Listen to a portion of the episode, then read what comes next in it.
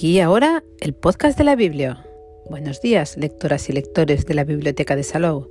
Os encontráis en el espacio Bibliosalou Radio, los podcasts bibliotecarios que os informan mensualmente de las novedades bibliográficas de la Biblioteca de Salou y que podéis seguir en Anchor y en Spotify y también en nuestras redes sociales. Y empezamos este podcast con la información de las novedades de ficción que la biblioteca sacará en enero, concretamente el lunes 2 de enero en este caso. Y los miércoles es el día de la narrativa en castellano. Y hoy, 28 de diciembre, os presentamos las ocho novelas que encontraréis en las novedades de ficción en castellano del mes que viene. Escuchad y tomad nota, que empezamos. Empezamos las novedades del mes con el nuevo libro de Antonio Cabanas, la gran novela sobre Tutankamón por el maestro del género del antiguo Egipto. En el sueño de Tutankamón, tras el reinado déspota y caótico de su padre, el joven Tutankamón trata de poner orden en un país dividido.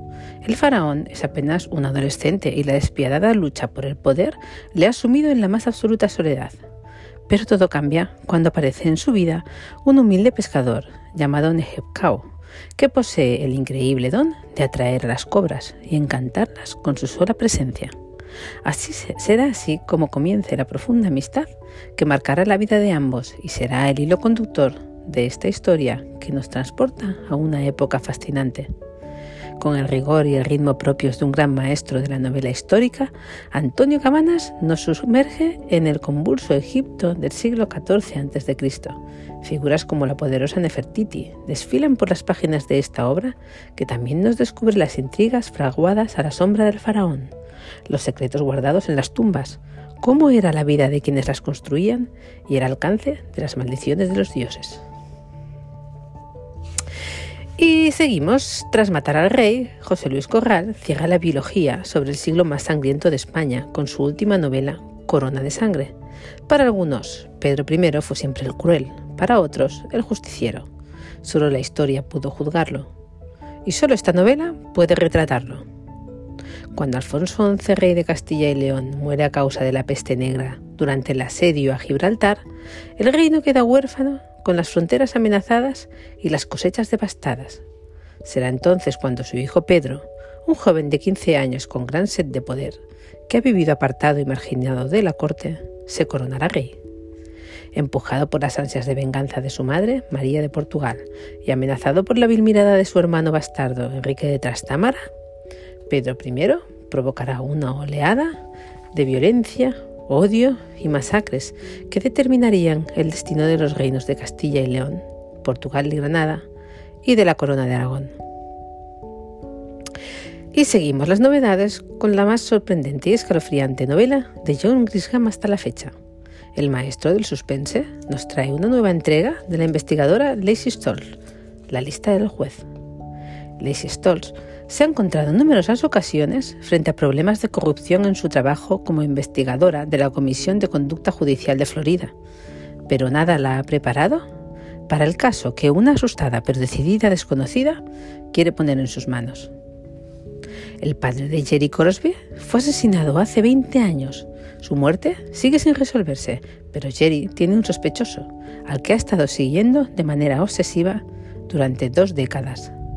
En el camino ha descubierto otras víctimas. Sus sospechas son firmes, pero las pruebas parecen imposibles de conseguir. ¿Y si un asesino en serie, buscado durante más de 20 años, fuera un juez en ejercicio? Y este enero también vuelve a la biblioteca la autora de La Vila de las Teras, Anne Jacobs. Vuelve con una cautivadora nueva saga familiar en torno a un emblemático café tras la Segunda Guerra Mundial. El Café del Ángel nos explica la historia de la joven Hilde. En Wiesbaden, en 1945, apenas puede creer su suerte. La guerra ha terminado y el Café del Ángel se ha salvado milagrosamente. Hilde sueña con volver a convertir el negocio familiar en el glamuroso lugar que reunía a artistas y personalidades de la ciudad. Pero los primeros conflictos no tardan en surgir cuando una bella joven entra en el café y se presenta como su prima Luisa. ¿Quién es esa enigmática mujer que ha luchado por llegar hasta allí desde Prusia Oriental? Entre las dos jóvenes crece una rivalidad que amenaza con envenenar el ambiente del café, hasta que ambas se dan cuenta de que tienen algo en común, un secreto de la guerra que les ha perseguido hasta el día de hoy. Y seguimos con más novedades de la mano de la vecina rubia. En su última novela, Contando atardeceres, nos dice que lo importante no es dónde, es con quién. Hay veces que el destino se empeña en ponerte a una persona delante constantemente. Y si algo he aprendido con el tiempo, es que la vida puede darte segundas oportunidades. Tras el fallecimiento de mi padre, un viaje improvisado con mi amiga Laura me regaló primero el quién, Javi, y después el dónde, su isla. La siguiente novedad nos traslada al Glasgow de los años 70, donde el asesino, al que la prensa bautizaría como John Biblia, mató a tres mujeres. Nunca fue identificado y el caso todavía sigue abierto hoy en día. En Esperando al Diluvio, Dolores Redondo nos traslada a principios de los años 80. El investigador de policía escocés Noah Scott Sherrington logra llegar hasta John Biblia, pero un fallo en su corazón en el último momento le impide arrestarlo. A pesar de su frágil estado de salud y contra los consejos médicos y la negativa de sus superiores para que continúe con la persecución del asesino en serie, Noah sigue una corazonada que lo llevará hasta el Bilbao de 1983, justo unos días antes de que un verdadero diluvio arrase la ciudad.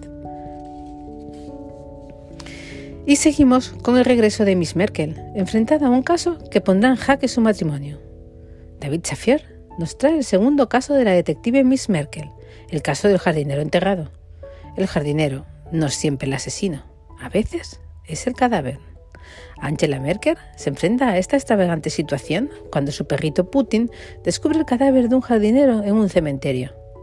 El muerto está en una posición imposible, boca abajo y enterrado de manera que solo sus piernas sobresalen. Los sospechosos de este asesinato se pueden encontrar en dos familias rivales que dirigen sendas empresas de pompas fúnebres. Hay un oscuro director gerente, un contable algo inestable, un adorador de Satán. Uno de esos empresarios funerarios se revela como un hombre increíblemente culto, aunque Angela no solo comparte su amor por Shakespeare con él, sino que tan interesante señor también le parece una ex-estrella de cine. Y por último, Karin Slaughter nos ofrece su nueva novela, Falso Testigo. Les Collier ha trabajado duro para construir una vida aparentemente normal. Es abogada defensora en un prestigioso bufete de abogados en Atlanta. Haría cualquier cosa por su hija Maddie, de 16 años. Y está logrando con éxito compartir su crianza, a pesar de la pandemia, después de una separación amistosa de su esposo Walter. Pero la vida cotidiana de Leite enmascara una infancia que nadie debería tener que soportar. Una infancia empañada por secretos, rota por la traición y finalmente destruida por un brutal acto de violencia. Y el pasado siempre vuelve. Y hasta aquí el podcast de hoy, en el que os hemos hecho un pequeño repaso de todas las novedades de narrativa en castellano que estarán, como siempre, disponibles para vosotros, lectoras y lectores de la Biblioteca de Saló, el primer lunes de enero. Que tengáis muy buen día y muy buenas lecturas que os acompañen en el día a día.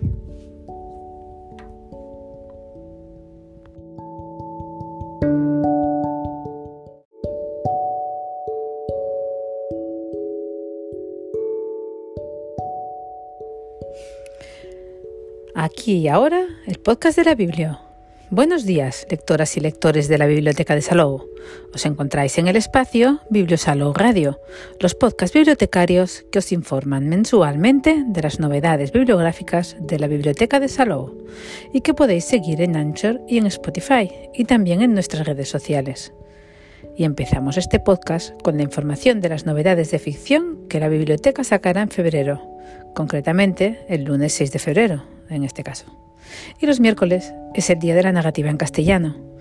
Y hoy, 1 de febrero, os presentamos las ocho novelas que encontraréis en las novedades de ficción en castellano del mes que viene. Escuchad y tomad nota, que empezamos. Empezamos las novedades de este mes con un nuevo libro de Donato Carisi, un thriller turbio, oscuro y lleno de enigmas, con el que Donato Carisi se acerca a la perfección, en palabras de Javier Castillo. El hombre del laberinto empieza con una mujer que se despierta en un hospital, completamente desorientada. el doctor Green, sentado junto a ella, la devuelve a la realidad. Su nombre es Samantha y desde que la secuestraron, siendo una adolescente, ha vivido encarcelada. Pero ahora ha escapado. Ya no tiene 13 años, sino 29, y solo podrá dar caza a su secuestrador en su mente.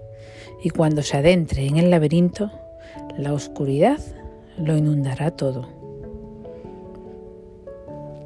Este mes de noviembre podéis encontrar en la biblioteca el esperado debut narrativo de Lucía Chacón, creadora del espacio de costura de Instagram Menudo Numerito.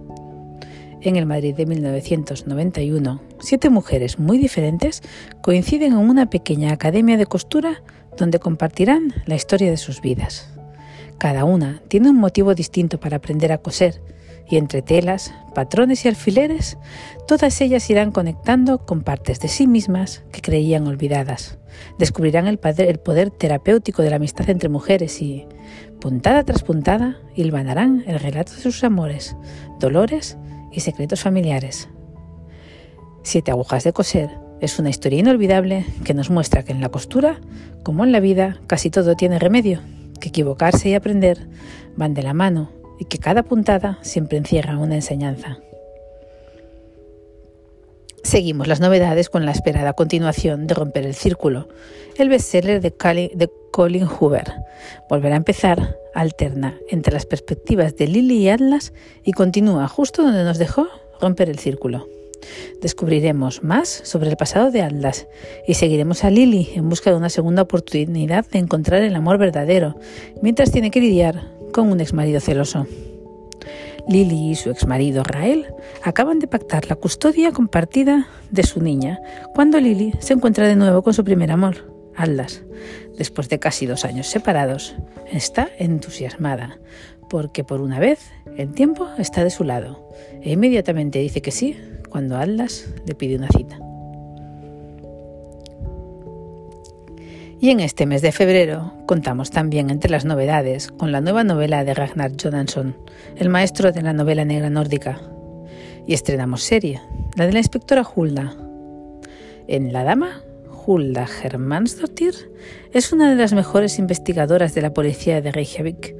A pesar de ello, recién cumplidos los 64 años, su competencia y compromiso con el cuerpo parecen no haber bastado. Su jefe quiere que se jubile antes de tiempo pero Hulda lo ha dado todo por su carrera y la perspectiva de dejar un trabajo al que se ha entregado en cuerpo y alma la inquieta. Justo antes de partir, la autorizan a encargarse de un último caso de su elección. Hulda tiene claro qué informe reabrir. Tiempo atrás, una mujer fue hallada muerta en una bahía cercana a Reykjavik. La investigación, cerrada de manera abrupta por parte de un compañero, nunca llegó a buen puerto y el caso fue declarado no resuelto. Ahora Hulda se encargará personalmente de ello con solo un objetivo, dar con la verdad. Y solo tiene 15 días para lograrlo. Y Pierre Lemaitre vuelve con una novela magistral, luminosa y oscura a la vez, tierna y dura, llena de vueltas, cautivante, que juega deliciosamente con los códigos del folletín. El ancho mundo narra las aventuras, desventuras, peripecias y secretos de los Pelletier una familia propietaria de una fábrica de jabones en Beirut, ciudad bajo influencia francesa, con la guerra de Indochina y el París de la posguerra y la reconstrucción como telón de fondo. Y todo con un toque de exotismo y varios asesinatos, cómo no. Y seguimos las novedades con la esperada tercera entrega de la serie protagonizada por Anne Cestero, y escrita por Ivonne Martín, que ha vendido más de 200.000 ejemplares. Se desarrolla en los paisajes del interior de Euskadi. El ladrón de rostros nos muestra un escenario sobrecogedor, en el que la unidad de homicidios de impacto deberá atrapar a un asesino en serie bautizado como el apóstol. En Sandaili, una humilde ermita excavada en la roca, ha aparecido el cuerpo mutilado de una mujer, asesinada mientras practicaba un antiguo rito de fertilidad. Su torso ha sido abierto y vaciado, y las manos colocadas a ambos lados de su abdomen en actitud de entrega. La escena reproduce, con macabra exactitud, las figuras de los apóstoles que Oteiza esculpió en la fachada de la Basílica de Aranzazú. Las pruebas señalan que alguien realizó una copia de su rostro en el momento exacto de su muerte. Os presentamos también la nueva novela de Álvaro Pombo, Santander 1936. El protagonista de esta novela se llama Álvaro Pombo Caler y amigos y familiares lo llaman, aunque a él no le haga gracia, Alvarito o Alvarín. El Álvaro Pombo Caler de la novela, tío carnal de nuestro Álvaro Pombo autor, tiene 19 años en 1936. En el Santander provinciano de aquel entonces arde, como en toda España, la confrontación izquierda-derecha, los encarnizados debates intelectuales y las exaltadas proclamas políticas. Alvarín, con su fervor juvenil y su admiración por José Antonio Primo de Rivera, se afilia a Falange Española en 1934. Su padre, Cayo Pombo Ibarra, es un liberal agnóstico y republicano, admirador de Manuel Azaña. La madre de Alvarín, Ana Caller, don Esteve, la célebre Ana de Pombo, triunfadora en la moda parisina de esos años, ha dejado a su marido Cayo en Santander y ha distribuido a sus hijos en colegios ingleses y franceses. Hay una intensa correspondencia epistolar muy de la época entre Ana y su hijo Álvaro. Álvaro Pombo, el escritor, no el personaje, regresa a Santander, al universo familiar y al mundo de la adolescencia. Lo hace con una seductora novela de formación filosófica y sentimental. Y por último nos llega este mes la consagración como escritora de María Rech. Después del gran éxito de Papel y Tinta y una promesa de juventud, en su nueva novela, Los mil nombres de la libertad, la escritora vuelve a hacer el arte de rigor histórico y de una documentación profusa para construir tres vidas marcadas por las consecuencias de la Guerra de la Independencia y el nacimiento del Estado liberal un viaje trepidante por la España de principios del XIX, Madrid, Cádiz, Salamanca, Sevilla, Aranjuez, Asturias, en un momento crítico de unión y división. Intrigas palaciegas, logias masónicas, sociedades liberales, amor, amistad, venganza y aventura se dan cita en una novela prodigiosa. Y hasta aquí el podcast de hoy en el que os hemos hecho un pequeño repaso de todas las novedades de narrativa en castellano, que estarán, como siempre, disponibles para vosotros, lectoras y lectores de la Biblioteca de Salou, el primer lunes de febrero. Que tengáis muy buen día y muy buenas lecturas que os acompañen en el día a día.